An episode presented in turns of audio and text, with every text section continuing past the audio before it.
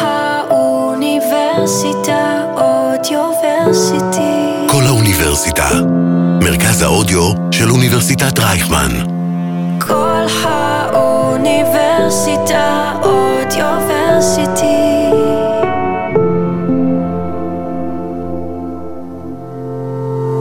דמוקרטים. פודקאסט מבית המכון לחירות ואחריות באוניברסיטת רייכמן. ברוכות הבאות וברוכים הבאים לפודקאסט דמוקרטים מבית המכון לחירות ואחריות באוניברסיטת רייכמן. אני דוקטור חיים ויצמן, מנהל הדסק הפוליטי במכון, ואנחנו נמצאים באולפני כל האוניברסיטה, מרכז האודיו של אוניברסיטת רייכמן. האורחים שלנו הפעם הם פרופסור אסיף אפרת, מבית הספר לאודר לממשל, דיפלומטיה ואסטרטגיה, וממלא מקום ראש המכון לחירות ואחריות, ופרופסור אדם שנער מבית ספר רזינר למשפטים, כאן באוניברסיטת רייכמן. תודה לכם, רבותיי, שאתם איתנו. תודה רבה. שלום חיים. אה, נפתח איתך, פרופסור שנער, לגבי מצב אה, חופש הביטוי בישראל באופן כללי, ואנחנו מיד נגיע אולי גם לאיך זה השתנה ב, במהלך המלחמה הזו. כן, אז uh, בקצרה יחסית, כי זה באמת נושא מורכב, אז חופש הביטוי uh, הוכר כזכות uh, חשובה, uh, זכות עילאית, זכות יסוד, uh, כבר בפסיקה המוקדמת של בית המשפט העליון, בשנת 1953, פסק דין מאוד מפורסם, שנקרא uh, בג"ץ כל העם. Uh, ושם נקבע שבגדול, אני מאוד מפשט, כן, שהגבלות uh, uh, על חופש הביטוי יהיו מותרות אם וכאשר יש קרבה לוודאות או ודאות קרובה לפגיעה בסדר הציבורי או בשלום הציבור. פגיעה קשה או פגיעה רצינית, פגיעה חמורה. כלומר, כל עוד אין לנו הסתברות מאוד גדולה שהסדר הציבורי או שלום הציבורי ייפגעו והפגיעה תהיה קשה, אז חופש הביטוי צריך לגבור. עכשיו, משנת 1953 עד אמצע שנות ה-90, הזכות הזאת של חופש הביטוי הייתה זכות אה, פסיקתית, כלומר, היא עוגנה ונוצרה בפסיקה. מה זאת אומרת? לא היו לנו חוקים? לא היו, לנו, לא היו לנו חוקים שעיגנו את חופש הביטוי ושהכריזו על חשיבותו, הכריזו עליו כחוק יסוד. בכלל, באופן כללי אני אגיד שהכנסת נמנעה במשך הרבה מאוד שנים מלעגן זכויות יסוד בחקיקה. ולכן המעמד של חופש הביטוי היה פסיקתי בלבד, ובגלל שהיה מעמד פסיקתי, הכוח שלו היה רק כלפי הרשות המבצעת. כלומר, הוא היה יכול להגביל את הממשלה או רשות רגולטורית, אבל הוא לא היה יכול להגביל את הכנסת. כלומר, אם הכנסת רצתה לחוקק חוק שפוגע בחופש הביטוי, בית המשפט היה אה, נסוג אחורנית, או לכל היותר מפרש את החוק הזה בצורה שהפגיעה בחופש הביטוי תהיה מינימלית. וזה השתנה ב... אה, באמצע שנות ה-90, ממה שנקרא המהפכה החוקתית, בנק המזרחי ופסקי דין שבאו אחרי המהפכה החוקתית, שגזרו או פירשו את הזכות לכבוד שהכנסת עיגנה בחוק יסוד כבוד האדם וחירותו, אמרו, הזכות לכבוד כוללת גם את הזכות לחופש ביטוי, כאשר פוגעים לאדם בביטוי שלו, אז גם כבודו נפגע, לפחות בהרבה מאוד נס... אה, סיטואציות, ולכן עכשיו חופש הביטוי הועלה מרמה פסיקתית לרמה חוקתית על חוקתית. ויש בכוחו גם כדי להגביל את הכנסת. ולכן עכשיו, גם כשהכנסת רוצה לפגוע בחופש הביטוי, אז הפגיעה הזאת תהיה כפופה למגבלות, כמו למשל, האם הפגיעה היא מידתית, האם הפגיעה היא לתכלית ראויה. כלומר, אז חופש הביטוי בעצם שודרג, והיום הוא בישראל נחשב כזכות חוקתית שמגבילה את כל רשויות השלטון, ובכלל את הכנסת. אנחנו מיד ניגש לפרופסור אסיף אפרת, ונשאל על, ה, על הסקר שעשה המכון. אבל אני צפיתי בטלוויזיה אחד הערוצים, לא חשוב כרגע איזה, וכל פעם הם טרחו להגיד שמה שהם מראים או מה שהם אומרים, אושר על ידי הצנזורה, אושר על ידי הצנזורה. נכון. איפה, זה, איפה זה מעמיד אותנו? אז, אז יש בישראל כל מיני סוגים של צנזורה, אבל הצנזורה הרלוונטית לשאלה שלך זו הצנזורה הצבאית, שבעצם אה, מאשרת או פוסלת ידיעות אה, בהתאם לשיקולים הביטחוניים של האם זה סוד או חשוב שזה לא יתגלה וכולי. עכשיו, הצנזורה הצבאית היא בעצם שריד מנדטורי. היא קיימת מאז שלטון המנדט, היא מעוגנת בתקנה 94 לתקנות ההגנה משנת 1945, וכשישראל הוקמה ב-48, התקנות האלה לא בוטלו, אלא להפך, הן יובאו לתוך המדינה החדשה ונשארו. אה, ולכן הצנזורה הצבאית עד היום איתנו, גם היא כמובן כפופה למגבלות החוקתיות שציינתי מקודם, אבל עדיין איתנו, ומבחינת הביטוי היומיומי שלה, אז באמת בישראל, בניגוד לכל מדינות המערב הליברליות שאני מכיר, נציגים של הצנזורה יושבים יושבים פיזית בערוצים השונים כדי לאשר ידיעות שאולי יש שם בעיה של צנזורה, למשל תחשוף איזה מבצע, תמסור פרטים על חיילים, לא משנה מה, כן? אז הנציגים של צנזורה יושבים בערוצים האלה ומאשרים את הידיעות, שזאת אנומליה בעולם המערבי, שבדרך כלל העולם המערבי, אה, גם אם יש בו מגבלות כאלה ואחרות על חופש ביטוי, בדרך כלל המגבלות האלה הן פוסט. כלומר, אחרי שהביטוי כבר אה, קיים בעולם, אז אולי יש סנקציות כלפיו. אה, בישראל אנחנו רואים, בהקשר של הצנזורה, משטר גם של מניעה מוקדמת, ולא רק ענישה בדיעבד. פרופסור אפרת, הסקרים במכון בעצם מראים שהציבור זורם עם זה, נכון? אנחנו עשינו סקר בשבוע החמישי למלחמה כדי לבחון את הלכי הרוח בציבור בנוגע לתפקוד של הממשלה, תפקודו של ראש הממשלה ביחס לאמצעים שצה"ל מפעיל ברצועת אה, עזה וגם למדיניות של האכיפה בישראל בנוגע לחופש הביטוי. אני מניח שאנחנו נגיע לזה בקרוב בשיחה הורדת רף האכיפה בעבירות שנוגעות לפרסום דברי שבח לטרור והזדהות עם אה, טרור וביקשנו לדעת מה חושב הציבור בישראל בנושא הזה. האם הציבור סבור שבזמן מלחמה חופש הביטוי צריך להצטמצם? בזמן שגרה אנחנו מאפשרים גם ביטויים שהם צורמים, אולי מכאיבים, אולי אפילו פוגעים ופוצעים את הלב, אבל אולי בזמן מלחמה אנחנו צריכים לצמצם את חופש הביטוי כדי לשמור על ביטחון הציבור, ביטחון המדינה וכולי, והתופעה הזאת כמובן מוכרת לנו גם ממדינות אה, דמוקרטיות אחרות, כולל ארה"ב, כולל אה, בריטניה, שגם בהם נעשה שימוש בחקיקה פלילית כאשר יש חשש למשל מטרור בעקבות, בעקבות אירועי ה-11 בספטמבר. אז רצינו לדעת מהם הלכי הרוח בציבור שלנו ושאלנו אה, מספר אה, שאלות.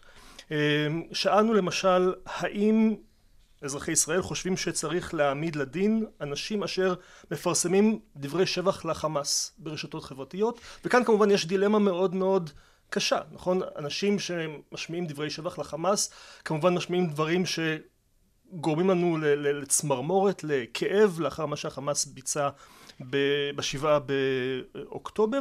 השאלה היא האם צריך לאסור בצורה פלילית תוך שימוש בכלי האכיפה הפלילית פרסום של דברים כאלה שלא ברור מה הנזק שהם גורמים בעולם הממשי מעבר לזה שהדברים מכאיבים לנו וקשים וצורמים מאוד לאוזן שלנו. כן, אבל סליחה על הדקדקנות פה, אבל זה, נגד זה יש לנו חוק, נכון? במקרה הזה כן, יש לנו חוק מ-2016 שנקרא חוק מאבק בטרור, ויש בתוכו עבירות מאוד מאוד חמורות.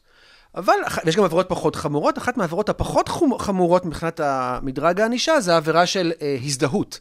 כלומר, אה, הזדהות עם ארגון טרור, או עם המעשים שלו, זו עבירה פלילית. אה, כן, נכון, יש לנו עבירה כזו. אבל תמיד כשיש עבירה בספר החוקים, השאלה היא איך אתה מפעיל אותה, איך, איך אתה מיישם, מהו סף האכיפה לא, שלה. כן, לא, וגם באמת במקרה של, אה, זו עבירה יחסית קשה, במובן הזה שהזדהות עם ארגון, ארגון טרור זה משהו שנשמע לנו אולי ברור, כן? אם אני אגיד עכשיו, אני תומך בחמאס, כמובן, זה אפשר להגיד זה הזדהות, אבל יש הרבה מאוד עמימות סביב הדבר הזה, ומה יכול להתפרש כהזדהות עם ארגון נכון. מסוים, והמשפט הפלילי בדרך כלל מאוד מנסה לברוח מהעמימות הזאת, משום שבגלל שהסנקציה הפלילית היא כל כך חריפה, גם הסטיגמה, אבל גם הסנקציה, אנחנו רוצים שהמשפט הפלילי יהיה עד כמה שיותר ברור וודאי ויציב. נכון. בסקר אתם אומרים שעכשיו העמימות הזאת נעלמת? אני לא יודע אם העמימות נעלמת, אבל ברור שהציבור, בוודאי הציבור היהודי, בעד איסור על פרסום דברי שבח לחמאס, אז בקרב כלל המדגם שלנו רוב גדול של 85 אחוזים הביעו תמיכה באיסור על פרסום דברי שבח לחמאס, בקרב היהודים הרוב הוא כמעט מוחלט, מגיע ל-95 אחוזים, אה, באופן שהפתיע אותי אפילו בקרב הנסקרים הערבים שלנו 44 אחוזים, כמעט מחצית הביעו תמיכה במידה רבה באיסור על פרסום דברי שבח לחמאס. עכשיו אני חושב שבקטגוריה של הביטויים הקשים והצורמים והפוגעניים פרסום דברי שבח לחמאס בהחלט נמצא מאוד גבוה.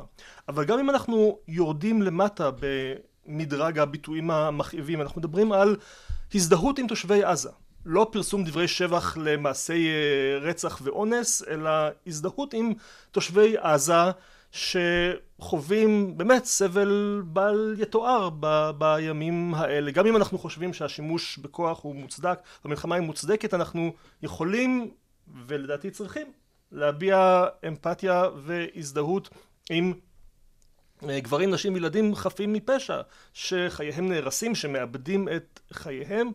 אה, כאן אני חושב שמדובר בביטוי שהוא הרבה פחות בעייתי מהבעת שבח לחמאס, וגם פה אנחנו מוצאים שרוב הציבור, כמעט 70 אחוזים, 69 אחוזים מכלל המדגם שלנו, סבור שיש לאסור על עריכת הפגנות להזדהות עם uh, תושבי עזה. בקרב היהודים מדובר ברוב של 78 אחוזים, ובקרב הערבים יש מיעוט של 23 אחוזים. זאת אומרת, גם כשאנחנו מדברים על התבטאות שהיא הבעת הזדהות עם מצוקתו וסבלו של האחר, אה, הזדהות שקשה לראות איך היא פוגעת בביטחון המדינה שלנו, גם כאן רוב הציבור אה, היהודי סבור שצריך לאסור על הסוג הזה של הביטוי. והביטוי הנוסף שאנחנו אה, בדקנו הוא ביטוי של הבעת מחאה וביקורת פוליטית כלפי ראש הממשלה שמוביל את המדינה שלנו במלחמה הזאת. שאלנו האם בזמן המלחמה צריך לאסור על עריכת הפגנות שקוראות להתפטרות ראש הממשלה וזו כמובן שאלה אחרת האם צריך לבקר את הדרג הפוליטי בזמן המלחמה בזמן שהמאמץ המלחמתי אה, מתנהל וכאן יש לנו אה, קבוצה לא קטנה, משהו כמו 42 אחוזים מהציבור שסבורים שצריך למתן מאוד את הביקורת הפוליטית ולהימנע מקריאות להתפטרות ראש הממשלה. אה, בקרב מצביעי הקואליציה באופן לא מפתיע יש רוב הרבה יותר גדול, שלושת רבעי ממצביעי הקואליציה סבורים שצריך להימנע מקריאות להתפטרות ראש הממשלה בתקופה הזו. זה, זה מחזיר אותי למאמר שלך, אה, פרופסור שנער. אה, אתה אומר שיש אצלנו תמיכה בעיקרון של חופש הביטוי, אבל כשזה מגיע לפרקטיקה, חופש הביטוי נתון לתפיסה שלעיתים הוא נתון למגבלות, אה, כי הוא עלול לפגוע ברגשות, או להסית לגזענות וכולי. נכון, אז באמת יש לנו על הנייר מחויבות מאוד גדולה לחופש הביטוי, ובפועל אנחנו רואים, במיוחד בתקופה הזו, שהמצב הוא קצת שונה, ובמובן מסוים זה לא מפתיע, כן? אה, וזה אפילו טבעי. בהרבה מדינות שנמצאות בתקופה של חירום, משבר, בוודאי מלחמה, יש אה, תופעות אה, שנקראות באנגלית rally around the flag, כן? להתכנס מאחורי הדגל, לצופף שורות, אה, פטריוטיות אה, מוגברת. אה, והדרישות האלה מסתכלות בצורה מאוד ביקורתית על הבעת ביקורת בזמן המלחמה, כן? כלומר, אם יש לך ביקורת, תשמור את זה לאחרי המלחמה. אה, אנחנו אולי אה, חברה פלורליסטית ומאמינים בחופש ביטוי, אבל לא בתקופה של המלחמה. כאן עכשיו כולנו צריכים לדבר כקול אחד, עם ישראל חי, ביחד, ביחד ננצח. כן, גם שימו לב, כל המדבקות האלה, הם לא אומרים, אנחנו ננצח, ביחד ננצח, משום שאם יש לך דיסידנטים, אם יש לך, בוודאי כאלה שתומכים באויב, אבל גם כאלה שאפילו מזדהים עם, כמו שאמר אה, פרופסור אפרת, כן, מזדהים אפילו עם הסבל של אזרחים לא מעורבים, אז זה כבר פוגע באיזו דרישה להומוגניות מחשבתית. ולכן אנחנו רואים זה מאוד משתקף בסקר, שהסקר, אה, מה שגם מעניין עבורי כמשפטן, זה לראות, זה לא רק שאנשים אומרים, אני נגד הפגנות, אני בעד הפגנות, הם בעד שיהיה איסור. כלומר, הם רוצים שמערכת המשפט תתגייס לטובת ההומוגניות הזאת ותפליל או לא תתיר כל מיני התנהגויות שבזמני שגרה לא היינו בכלל חושבים שהן אה, בעייתיות, כן? וזה, אלה, אלה נתונים מאוד מאוד מדאיגים, ביחד עם נתונים אחרים שעל סקר זה מלא שעוד לא אה, הזכרת. ומה שאני חושב שמדאיג, ואולי גם נדבר על זה עוד מעט, שמילא, אם אנחנו רואים ש...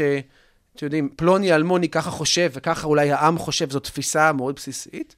התפיסה הזו לא מדלגת גם על גורמי המקצוע. כלומר, גם המשטרה, גם הפרקליטות, אבל אפילו בתי המשפט, שאמורים להיות גם גופי מקצוע שרואים את התמונה בצורה אחרת, ש, ששמים לנגד עיניהם קודם כל את השיקולים המקצועיים ואת הדין, גם הם, ש... במרכאות, כן, שבויים באותה קונספציה שבתקופה הזאת אנחנו צריכים למתן. ואגב, אני רק אגיד שהמשפט הישראלי הוא אדיש לש... להבחנה הזאת בין שגרה לבין מלחמה. כלומר, מבחינה משפטית, אין הבדל בין חופש הביטוי בשגרה לבין חופש הביטוי למלחמה. זה לא שיש לנו חוקים מיוחדים למלחמה וחוקים מיוחדים לשגרה. חופש הביטוי שאמור להיות מובטח לך, קיים לך תמיד, לא משנה מה קורה בחוץ. זה מחזיר, מחזיר אותי להערה של פרופסור אסיף אפרת, שדיבר על האמריקאים אחרי הפיגועים במגדלי התאומים ואחרים, ובעצם ה-Patriot Act. כן. אז אולי באמת תרחיב טיפה בהשוואה הזאת שבינינו לבין אה, האמריקאים.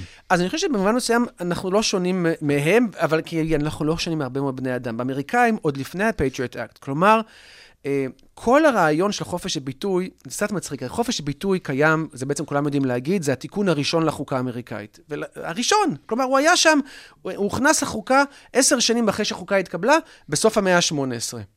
אבל בעצם, החשיבות שלו באה לידי ביטוי רק במאה ה-20. בית המשפט העליון התחיל לפרש את חופש הביטוי ולאכוף אותו ולהפעיל אותו בצורה אגרסיבית רק ב- בתחילת המאה ה-20 ומתי? אחרי מלחמת העולם הראשונה. כי מלחמת העולם הראשונה אה, הייתה רדיפה מאוד גדולה של פציפיסטים, שגם נתפסו כבוגדים, לא, לא מוכנים לתמוך במאמץ המלחמתי האמריקאי, אבל לא רק פציפיסטים, שאתה יודע, אתה יכול להגיד, הם תמיד פציפיסטים, לא משנה מה קורה, אלא גם מתנגדים ספציפיים למלחמה. אלה בדלנים כאלה ואחרים שחשבו שאמריקה צריכה להישאר בחוץ, והיו שלל אה, חוקים, אה, בכלל זאת חוק מפורסם שנקרא Sedition Act, כן? אה, שהאנשים האלה, הוגשו גם כתבי אישום והורשעו. ובית המשפט העליון האמריקאי, לא התערב בהרשאות האלה ולא התערב באישומים האלה, אה, אבל אחרי שמלחמת העולם הראשונה הסתיימה והדברים קצת אה, נרגעו, אז הוא התחיל, בהתחלה בדעות מיעוט, ואחר כך יותר לאחר מכן, להגיד, לא, יש דבר כזה שנקרא חופש ביטוי, והוא מגן על דעות פוליטיות שהן אה, שונות, ואנחנו נהיה יותר ביקורתיים כלפי כתבי אישום וכולי וכולי. אבל גם האמריקאים נפלו בזה. ה-Patriot Act, אותו דבר גם אחר כך, גם, ה-Patriot Act פחות עסק בביטוי, עסק יותר במחים, אבל גם למשל עבירות, אה, למשל סיוע לטרור, כן? שזה ברור שזה עבירה, וצריכה להיות עבירה בכל מקום אחר, אבל השאלה היא, מה זה נחשב סיוע לטרור? האם למשל מילים יכולות להיות סיוע לטרור, במקום לא רק להעביר כסף או תחמושת וכולי. אז הנסיגות האלה מהמחויבות לחופש ביטוי, הן נסיגות שאנחנו רואים בעיקר בתקופות כאלה, מלחמות, מבצעים, פיגועים וכולי. אה, בישראל אנחנו גם רואים את זה, ראינו את זה, רואים את זה המון עכשיו, אולי נדבר גם אחר כך מה קורה עכשיו. ראינו את זה קצת בצוק איתן, במיוחד בשוק העבודה, שאנשים פוטרו בגלל כל מיני אמירות כאלה ואחרות, אבל ראינו את זה גם במשברים אחרים, למשל במשבר של הקורונה, שהיו צריכים לצ... ל... ל... אה, לייצר מגבלות על אה, תנועה במרחב הציבורי וקרבה לאנשים, אז בין הדברים הראשונים שאסרו או צמצמו היה הפגנות, כן, למיקומים מסוימים, או מספר מסוים של אנשים, או היו צריכים לעמוד ברווח מסוים אחד מהשני. אחר כך בית המשפט העליון פסל חלקים מאלה, אבל בגדול, אנחנו רואים את הרבה פעמים את הנסיגה הזאת בתקופות אה, של מלחמה. כלומר, זה לגמרי צפוי, אם כי זה מצער.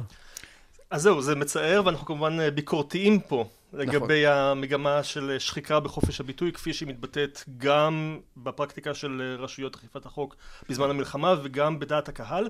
אם אני אנסה לעשות פה איזשהו ספין חיובי על המצב הזה, בסופו של דבר אה, אנחנו כאנשי מדע המדינה מצפים לראות, אה, אולי אפילו מקווים לראות איזושהי מידה של אה, תאימות. בין הלכי הרוח של הציבור לבין מה שעושה ההנהגה, מה שעושה הממשלה, מה שעושה השלטון, אנחנו קוראים לזה policy responsiveness, כלומר בדמוקרטיה אנחנו מאמינים שהשלטון באמת צריך לנהוג בצורה שפחות או יותר עולה בקנה אחד עם רצונותיו, כן. עם העדפות, עם רחשי הלב של הציבור. אז פה אנחנו רואים את זה באמת יפה מאוד, את ההתלכדות אותו הזאת. דבר אני יכול להגיד, לתת לזה ספין שלילי, כי אבל- אני, אני כמשפטן חוקתי, אה, שמסתכל על חוקה וזכויות כמגבלות על הכוח של הרוב, שרוצה שיהיו מגבלות על ה-policy responsiveness, אני אומר, לא. אנחנו צריכים להיות מאוד מאוד זהירים, כי אנחנו לא רוצים ליפול לאיזשהו מקום של אה, אה, לינץ', מואב, כן? איזה אספסוף, איזה הרוב רוצה והרוב ירוצ... ומה שהרוב רוצה הוא יקבל. וחופש הביטוי, בגלל שהרבה פעמים, הרי חופש הביטוי לא שווה כלום, אם זה רק מטרתו להדהד את האמירות ואת הדעות, שממילא כולם שותפים להם. כן? אני לא צריך חופש ביטוי בשביל להגיד אני אוהב גלידה. אני לא צריך להגיד חופש ביטוי בשביל להגיד, אה, בוא נלך לים מחר. זה לא, בשביל זה חופש, צריך, חופש ביטוי הוא בשביל האמירות המרגיזות, המעצבנות, אלה שגומרות לנו לחשוב, אלה שעושות פרובוקציות. אז כאן חופש ביטוי הוא חשוב בדיוק כדי להגן על הדובר מפני הכוח של הרוב. ולכן מה שרואים עכשיו זה בעצם התקפלות של כל אותם גורמים שאמורים לשים בלם על הכוח של הרוב, בתי המשפט, הפרקליטות, המשטרה, ואנחנו רואים אה, באמת את הפוליסי ריספונסיבנס, שאתה יכול להסתכל על זה בעיניים חיוביות, אבל אני חושב שבהקשרים של זכויות אדם, אנחנו צריכים להסתכל על זה בצורה יותר סקפטית. גם אנחנו מסתכלים על זה בצורה, כן. בחיוב, אבל ככה עם מגבלות, ושואלים how much responsiveness וכולי. לא, ברור, בסדר, ברור. אה, אבל אני רוצה, אה, אם כבר הרחבנו טיפה את היריעה, שאלתם גם לגבי תקנות שעת חירום. נכון, אז באמת את העמדות של הציבור בנושא חופש הביטוי צריך למקם באיזשהו אה, מישור יותר רחב שנוגע לדבקות או לנאמנות של הציבור הישראלי לערכים דמוקרטיים ליברליים באופן רחב יותר בזמן מלחמה. אה, וכאן שאלנו שאלה נוספת שנוגעת לתמיכה או היעדר התמיכה הציבורית בשימוש בתקנות שעת חירום. שזה מכשיר חקיקה מאוד בעייתי שהממשלה יכולה להשתמש בו בשעת חירום כדי להעביר למעשה חוקים ללא בקרה ציבורית, ללא דיון ציבורי משמעותי וללא אישור הכנסת שהיא הגוף שמחזיק בשגרה ובאופן נורמלי את סמכות החקיקה. והממשלה מראשית המלחמה כבר עשתה שימוש עד היום משהו כמו עשר פעמים לערך בתקנות אה, שעת אה, חירום ושאלנו את הציבור האם אתם תומכים בשימוש בתקנות כאלה שמאפשרות חקיקה מהירה ללא אישור הכנסת. אמ, כאן אנחנו מצאנו שרוב קטן של הציבור, 52 אחוזים, סבורים במידה רבה שהממשלה צריכה להשתמש בסמכותה להתקין תקנות חירום ועוד כ-26 אחוזים חושבים כך במידה מסוימת כלומר רוב הציבור מאמין שהממשלה צריכה להשתמש בסמכות התקנת תקנות אה, שעת חירום. הציבור נראה פחות מוטרד מהעובדה שיש בו בעצם פגיעה בהפרדת הרשויות, בעצם אנחנו לוקחים מהכנסת את סמכות החקיקה שבידה, אנחנו נותנים לממשלה מכשיר רב עוצמה שעלול לאפשר לה לפגוע בזכויות אדם, שוב ללא פיקוח וללא דיון ציבורי, אה, אז גם כאן אנחנו רואים סטייה בהעדפות הציבור מערכים בסיסיים של שלטון חוק והפרדת רשויות וזה מצטרף לממצאים המדאיגים שלנו לגבי חופש הביטוי. מה שמעניין בשאלה הזאת, שאומנם כששאלו את המשיבים הערבים שלנו את אותה שאלה, אז רק 28 אחוז אמרו שהם תומכים במידה רבה, אבל אם נוסיף את 34 אחוזים שאמרו שהם תומכים במידה מסוימת, אז גם שם יש... אז גם בקרב הערבים יש תמיכה כן. בתקנות שעת חירום. כן. אני חושב שאחד ההסברים, לדעתי, אה, שאנשים בטח חושבים לעצמם, שתקנות שעת חירום נועדו לעזור לממשלה להילחם במלחמה הזאת בצורה יותר אפקטיבית. וזה, שזה נכון. זה נכון. עכשיו, חלק, התקנות שעת חירום היו למשל, עוסק, בכל מיני נושאים, אה, עוסקות למשל במניעת מפגש של עצור מעזה עם עורך דין, או אה, הארכת תקופת המעצר, או גישה לנתוני מחשב, כל מיני דברים שזה, ולכן שרוב הציבור, בוודאי היהודי, גם הערבי במידה פחותה, אבל גם, סבור שתקנות שעת חירום, הוא לא הנמען של התקנות שעת חירום האלה. הן לא פוגעות בו, הן מיועדות לאויב, איך כדי להתמודד עם האויב. ולכן אולי הוא תופס את זה כפחות איום על הדמוקרטיה, למשל אולי בהשוואה לקורונה, שבקורונה היה שימוש אינטנסיבי בהתחלה בתקנות שעת חירום, אבל זה באמת השפיע על כל מי שחי פה ולא על האויב.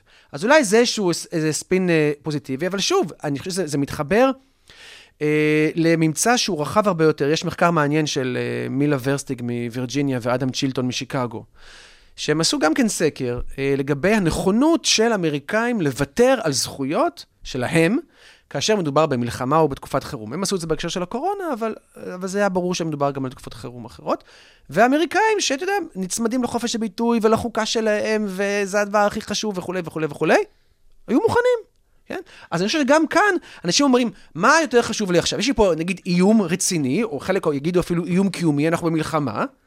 אז מה יותר חשוב, להילחם במלחמה הזו ולנצח אותה, או לדאוג לכל מיני ערכים ליברליים כמו הפרדת רשויות? אז הם בטח אומרים לעצמם, עכשיו צריך להילחם במלחמה, וכשהמלחמה תסתיים נחזור להגן על הפרדת רשויות. אבל מה ששוכחים הרבה פעמים, שהדברים האלה הם לא חדים, ויש זליגה, ודברים שמתנרמלים במלחמה, יכולים גם אחר כך להמשיך ולהתקיים, גם בתקופה של שגרה, בין היתר כי כבר התרגלנו, וזה כבר נראה לנו טבעי והגיוני.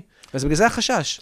מה שהפתיע אותי זה שאנחנו ערכנו את הסקר הזה בזמן מלחמה, שבה אחרי תקופה של דיון ציבורי אינטנסיבי מאוד וחסר תקדים ביסודות הדמוקרטיה הישראלית. כן, נכון? נכון. אנחנו סיימנו תשעה חודשים של אה, הפיכה משטרית ומאבק כנגד ההפיכה המשטרית ו...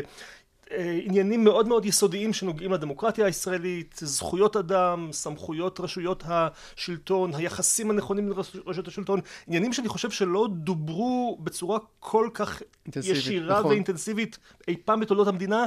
ערכנו באמת אה, שיעור אזרחות מקיף שנמשך סמינר במשפט חוקתי, נכון. תשעה חודשים, ובסוף התשעה חודשים האלה אנחנו רואים כאילו ש- חוזרים, אז זה נכון. עכשיו בעצם, אני חושב שבתקופה של ההפיכה המשטרית, בהפגנות וזה, אנחנו, אני גם שייך לפורום המרצים והמרצות למען הדמוקרטיה, ו, אבל בכלל, אני, זה התחום שלי, והייתה איזו תחושה שבעצם, הנה, נחשפה הליברליות של הציבור הישראלי. כלומר, זה היה... אה, לא היה ברור איפה הוא נעלם כל הזמן הזה, אבל עכשיו ראינו בקפלן ובמקומות אחרים שיש פה ציבור מאוד משמעותי, שהוא ציבור ליברלי, שתומך בעצמאות בית המשפט, בזכויות אדם, הפרדת הרשויות, ושינן את זה וזה.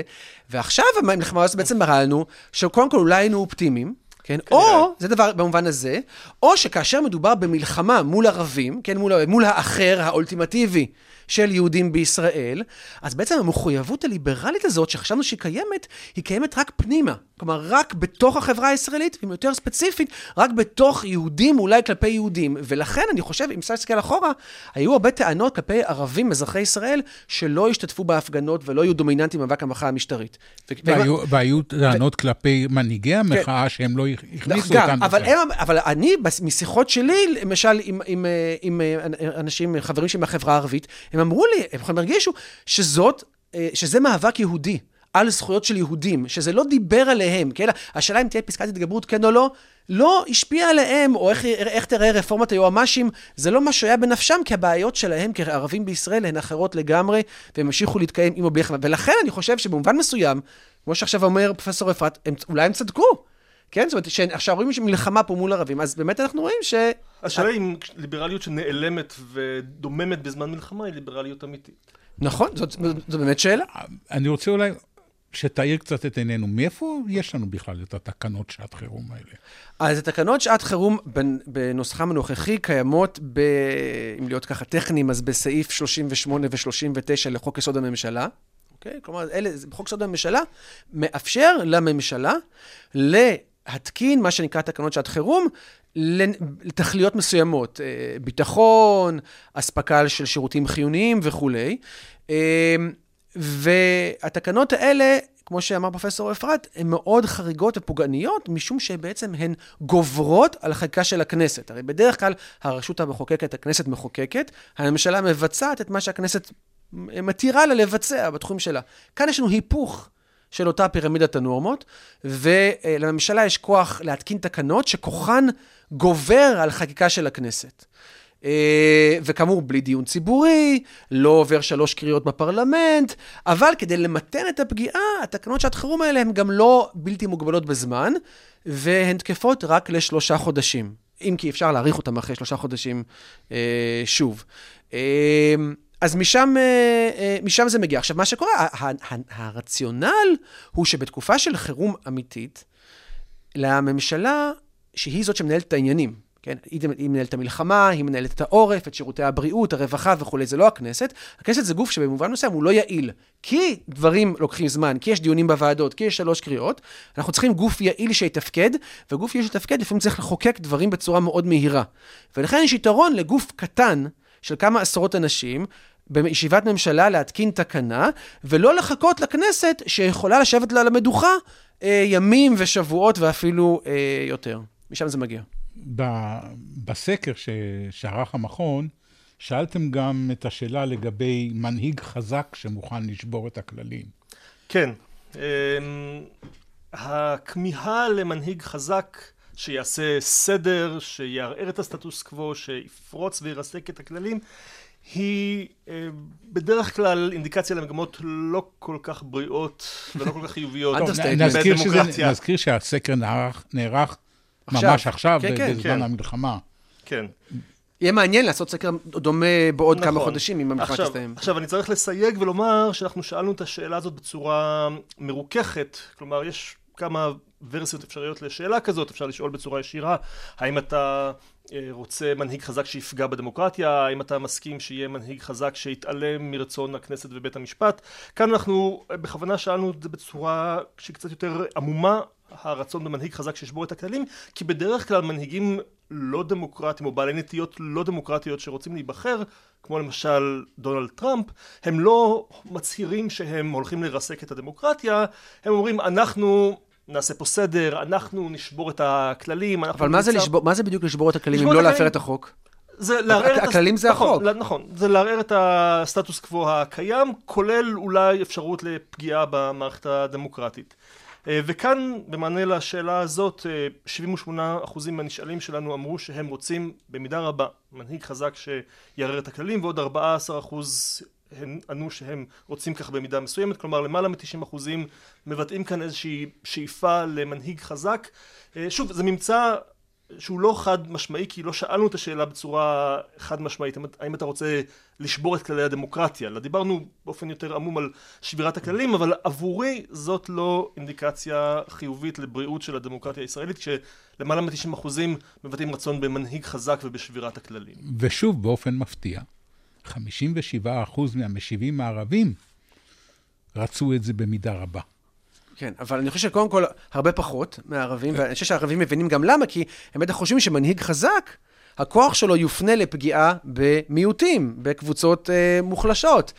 אז בוודאי הם, הם מזהים את עצמם כקורבן של אותו מנהיג חזק, אבל גם... גם הערבים וגם בוודאי עם היהודים, שזה נתון מאוד מאוד מטריד. קודם כל, שבירה של הכללים, בוודאי אצל חלק מהמשיבים התרגמה גם לשבירת החוק. כלומר, עם כל הכבוד לחוק, עכשיו אנחנו במלחמה, אז שלטון החוק לא מעניין אותנו, בתי משפט לא מעניין אותנו, כנסת וכולי וכולי, זה מאוד מטריד. וגם, יש כאן משהו, סליחה על הפסיכולוגיזציה של הסיפור הזה, משהו מאוד ילדותי, כן? איזה ציפייה שיבוא איזה אבא חזק, או איזה מושיע. דמות, מושיע, איזה משיח, איזה... ברור. כן? ו- והוא, והוא זה שעכשיו יוצא אותנו מהבוט שאלינו נקלענו, זה גם, בעיניי גם מסמל איזושהי חוסר הבנה של המצב, כי אנחנו נמצאים במצב מאוד מאוד מורכב, וקשה להעלות על הדעת מצב כל כך מורכב, שבו מישהו אחד יכול לפתור את כל הבעיות שעכשיו נחשפו בעקבות אה, הסיפור הזה.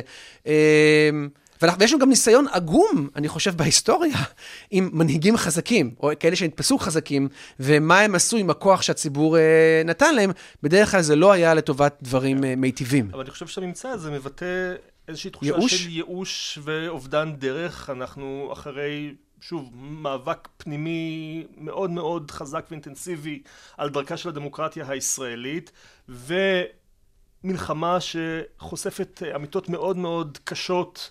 על הממשלה שלנו ואוזלת ידה וחוסר התפקוד אבל- שלה ועל מערכת הביטחון ואולי המענה לשאלה הזאת שלנו מבטא איזושהי כמיהה אולי קצת אה, נאיבית וילדותית אבל גם מסוכנת אבל מסוכנת, אבל יותר מזה.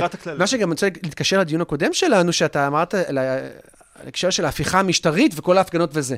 הרי הסיסמה, אני לא יודע אם הייתה הכי נפוצה או השנייה הכי נפוצה בכל התשעה חודשים האחרונים, ואתה רואה את זה גם בפוסטרים, ישראל לא תהיה דיקטטורה, נכון? כי כולם דיברו על כמה זה מסוכן לתת כל כך הרבה כוח לרשות אחת. אמרו, איך זה יכול להיות שהממשלה עכשיו, שהרשות מבצעת, תשתלט על הכנסת, ועם המינויים הפוליטיים תשתלט על בית המשפט, והיא תהיה רשות אחת כל יכולה. ו- ו- ו- וזו הייתה הסיסמה, כולם צעקו בקפלן, ישראל לא תהיה דיקטטורה. ומה אנחנו אומרים עכשיו? מה רוצים? מנהיג חזק, שישבור את הכללים. עכשיו, לא דיקטטורה, כי לא מה על דיקטטורה, אבל הקונוטציה פה למישהו שירק- מישהו חזק זה מישהו שהכוח שלו לא מבוזר, יהיה מרוכז אצלו. ששובר את הכללים, ולכן לא אתה- סתם חזק. בדיוק, ושובר את הכללים, ולכן אתה אומר, איפה היינו לפני, לפני חודש וחצי, חודשיים? זה מדהים, ה- הפער. אולי אפשר לומר שזה תוצאה של הטראומה של המלחמה. ברור שאפשר להסביר את זה. זה. מלחמה היא תמיד אירוע כואב וטראומטי, אבל בוודאי מלחמה שנפתחת במתקפה כל כך הרסנית ומפתיעה, מייצרת טראומה. אבל יש פה ש- כשל לוגי, משום שאם אתה אומר, מלחמה, כמו שהמילה הכי פופולרית אחרי המלחמה, או תוך כדי המלחמה, זה בעצם התפכחות. אנשים מתפכחים מהתפיסות שהיו להם מקודם. אז לכאורה, התשובה הייתה אחרת, אנשים היו צריכים לעשות את הקישור בין ההפיכה המשטרית לבין מה שקרה לנו, ולהגיד, הנה, הנה מה שקורה שיש לנו אנשים כאלה בשלטון, הנה מה שקורה שהם מנסים לקחת הרבה מאוד כוח, הנה מה שקורה שהם מנסים לשנות את הכללים, ואנחנו צריכים לצאת מהמקום הזה. כדי ללכת לחזון האחר שהיה לנו, שלא, שלא הצלחנו בכלל ליישם אותו ולהפעיל אותו. ולכן בעיניי זה אפילו, יש פה איזשהו דיסוננס מאוד גדול בין שני הדברים האלה, וההסבר שאתה מציע הוא הסבר על פני השטח הוא נכון, אבל כשמתחילים ככה לחפור בו, אני חושב שיש פה סתירה, מתח לפחות, בין שתי התופעות האלה. אני רוצה לעבור להיבט נוסף, ברשותכם. למעלה מ-400 ערבים נעצרו ושוחררו מאז תחילת המלחמה בשל פוסטים שהם העלו לרשתות החברתיות. רופאים ערבים פוטרו ממקומות עבודתם, כל זה לעומת יהודי אחד, דוקטור חירם, מפתח תקווה. אז אני שואל, האם לערבים יש את אותו חופש ביטוי כמו ליהודים במדינת ישראל? אה, אז שוב, אז ברמה הפורמלית, התשובה היא כן, כמובן שכן. ברור. החוק לא מבחין. אבל ברור שהאצבע יותר קלה על ההדק במקרים כאלה אצל ערבים, כלפי הערבים. כלומר, אה, קודם כל, משום שכמו שאמרנו בהתחלה, אה, בתקופה שבה כולנו כביכול ביחד, אנחנו רודפים את המתנגדים. אז מי יהיו המתנגדים? המתנגדים, עכשיו, אה, הם לא היו בדרך כלל מהצד הימני של המפה הפוליטית, כן? כלומר, אם אני עכשיו אקרא לשטח את עזה, או לגרש את התושבים שם, או לבצע פשעי מלחמה, אף אחד לא יעשה שום דבר, לא יגישו לי כתב אישום, אם, אם אני ארצה להפגין בנושאים האלה, גם יתירו לי, כפי שהייתה כזאת הפגנה וקיבלה את האישור של המשטרה. כלומר, הקולות הביקורתיים נשמעים משני מקומות. אחד, בגדול, כן, ממחנה השמאל, וגם מהחברה הערבית, שגם כמובן יש לה גם זיקה לשמאל בישראל. ולכן, אה, שם מגיעים יותר הפוסטים האלה אה, וכולי. אבל ברור שהאכיפה פה היא לא שוויונית, משום שאין לנו אכיפה דומה כלפי ימנים. בכלל לא מתקרב, וכלפי הערבים יש לנו, אבל זה לא רק אכיפה, זה גם להיטות יתר. כלומר, גם כאשר אין שום דבר בדברים עצמם, אנשים מורתעים ונעצרים, גם בסוף הם משוחררים ולא מוגש כתב אישום. עצם החוויה של מעצר ושלילת חירות היא כמובן אגב, טר... כולם טראומטית. שוחררו. כן. לא, יש גם, יש גם, יש גם כ-70 כתבי אישום שהוגשו. יש גם... 70? כן, כ-70. אה, למיטב ידיעתי, כמעט כולם ערבים, או כולם ערבים, אה, אבל יש יותר מקרים של אה, מפגשים בין המשטרה לבין האזרח מאשר מספר כתבי האישום, אה, ומספר חריג בכל קנה מידה. ולכן ברור פה שהאכיפה היא לא שוויונית, ברור פה שיש פה ביטויים קיצוניים מהימין שיכולים לעבור בסדר, זה לא יזיז לאף אחד, ולעומת ביטויים אה, משמאל, שבמיוחד אם הם מבוטאים על ידי הערבים, אז צריך להבין, בעצם הערבי הוא האמור האחר, הוא האויב, כי הוא גם האויב בעזה, ולכן ה- ה- ה- הזיקה הזאת והחפיפה הזאת בין שתי הקבוצות, או כל מי שמסמפת ערבים. צריך כמובן לחשוב מה המדיניות הזאת, המדיניות הנוקשה והאכיפה, סליחה, הנוקשה והמחמירה של האכיפה, עושה ליחסי אה, יהודים ערבים בישראל, מה ההשלכות לעתיד. אנחנו יודעים עד כמה המיעוט הערבי בישראל בעצם לא מרגיש שהוא חלק אמיתי ואינטגרלי מהמדינה, התייחסנו ל... לשתפות הדלה יחסית. במאבק נגד ההפיכה המשטרית בגלל תחושות של חוסר הזדהות והמאבק הזה הוא לא שלנו והמדינה הזאת היא לא לגמרי שלנו. ואני חושב שהמדיניות הנוכחית באמת מייצרת איזושהי תחושה של אה, רדיפה. כך גם אומרים מנהיגי כן. הציבור הערבי רדיפה וסתימת פיות וזה גם מתרגם לתחושות בקרב אה, הציבור הערבי הרחב יותר. וזו הייתה שאלה נוספת ששאלנו אה, בסקר את המשיבים הערבים שלנו שאלנו אותם אה, באיזו מידה את או אתה חשים שהמלחמה הגבירה את העוינות של הציבור היהודי כלפי הציבור הערבי בישראל? ולמעשה יש לנו רוב מוצק של כמעט שלושת רבעי מהנשאלים שחושבים שהמלחמה הגבירה במידה רבה או לפחות במידה מסוימת את העוינות היהודית כלפי הציבור הערבי. ואני חושב שהמדיניות הזאת של האכיפה כנגד אה, ביטוי במידה רבה תורמת ומלבה את התחושה הזאת של העוינות. במיוחד שהאכיפה היא לחלוטין לא מוצדקת ומוצדקת בכל מיני פוסטים שאנשים העלו לפני שנים שלא קשורים, ומעבר לזה, אני חושב שגם מבחינה אנקדוטלית אנחנו רואים את זה. אה, קח דוגמה שכאילו לא קשורה, אבל כן קשורה. אתרי בנייה בתל אביב ובגבעתיים, העבודה העבודה העבודה הופסקה. הופסקה. כן. בהתחלה היה, אמרו מלחמה, אבל אחר כך גם, עכשיו, למה? הם לא אמרו את זה, אבל בעצם אנשים אמרו... אמרו- קוניק אמר, רן קוניק- הקוניק אמר, נכון? כן. יש פה ערבים וזה לא בטוח, כן? אז יש כאן בעצם אמירה מפורשת. יש, אני מכיר מקרים של ערבים שפחדו להגיע לעבודה שלהם, כי הם לא רק עבודות בנייה, עבודות אחרות גם, משום שפחדו מאמירות כאלה ואחרות, או אולי מעשי אה, אלימות. אז בוודאי שהדברים האלה מגבירים את הניכור, ובהקשר של חופש ביטוי, אני אגיד עוד דבר. שהרבה פעמים אחת ההצדקות לחופש הביטוי, שחופש ביטוי הוא חשוב, כי הוא מאפשר פתרון של סכסוכים בצורה שהיא לא אלימה. כלומר, אם אנשים ישחררו קיטור בהפגנה או באמצעות כתיבה, הם לא יפנו לאלימות. וברגע שאתה מדכא את הביטוי ואתה לא נותן לו פתח, יש חשש שהוא יוליד תגובה יותר אלימה או יותר קיצונית, כאשר הבן אדם לא יכול להתבטא. אני לא אומר שזה מה שנראה כאן, אבל אני חושב שזה כן משהו שצריך לתת עליו את הדעת בהקשר הזה. בוודאי, אם אנחנו מדברים על ביטויים ש... אין בהם סכנה ממשית, ואם אנחנו ברור, נמשיך כן. אה, למבחן כל העם, האם כן. יש פה אה, סכנה ודאית או קרובה לוודאי לשלום הציבור? כאשר אנחנו מביעים אה, אמפתיה כלפי תושבי עזה, בוודאי שלא. אז הנה, למשל, לא. היום, היום אנחנו, לפחות ביום שאנחנו מקליטים כאן את הפודקאסט הזה, אה, מפלגת חד"ש אה, ביקשה לקיים הפגנה של עד אלף איש במרכז תל אביב, עם המסר אה, הפסקת אש והחזרת החטופים. כן? זה לא מסר בעייתי, זאת אומרת, זה לא מסר לא חוקי. החזרת החטופים כולם רוצים, אני חושב, אה, והפסקת אש, יש כאלה שרוצים, הרוב לא, אבל זה לא משנה. המשטרה לא אישרה. למה היא לא אישרה? היא אומרת, ההפגנה תהיה יחסית קרובה למקומות שבהם נמצאים משפחות של חטופים ועלול להיווצר חיכוך. אז המארגנים אמרו, אוקיי, אז אנחנו מוכנים שההפגנה תהיה בדרום תל אביב. שניים, שלושה קילומטר משם, לא, המשטרה גם סירבה. כלומר, אנחנו באמת רואים שיש פה רדיפה אה, או דיכוי של ביטוי, גם כאשר הביטוי עצמו אין בו שום בדל של אי חוקיות והוא לא מעורר שום חשש לפגיעה בסדר הציבורי. חברים, אנחנו חייבים להתכנס לסיום. בסדר. אז אני מבקש משפט אחרון של כל אחד מכם. בבקשה, פרופסור אפרת. אמ, הדמוקרטיה הישראלית אה, ניצבת במלחמה הזאת ברגע של אה, מבחן. ואני חושב שיצאנו מחודשי המאבק כנגד ההפיכה המשטרית יותר אופטימיים ומעודדים. לגבי חוזקה, חוצנה, יציבותה של הדמוקרטיה הישראלית, אני חושב שהמגמות במלחמה הזאת מציבות סימן שאלה רציני מעל האופטימיות הזאת. טוב, אני, אין לי, אין לי אלא להצטרף. אני חושב שהגענו למלחמה הזאת בנקודת משבר חסרת תקדים פנימית בתוך החברה הישראלית. אמ, ואנחנו, מה שחשבתי, שהמחויבות לדמוקרטיה ולערכים דמוקרטיים ולערכים ליברליים, שהיא מאוד מאוד התחזקה, בתקופה של ההפיכה.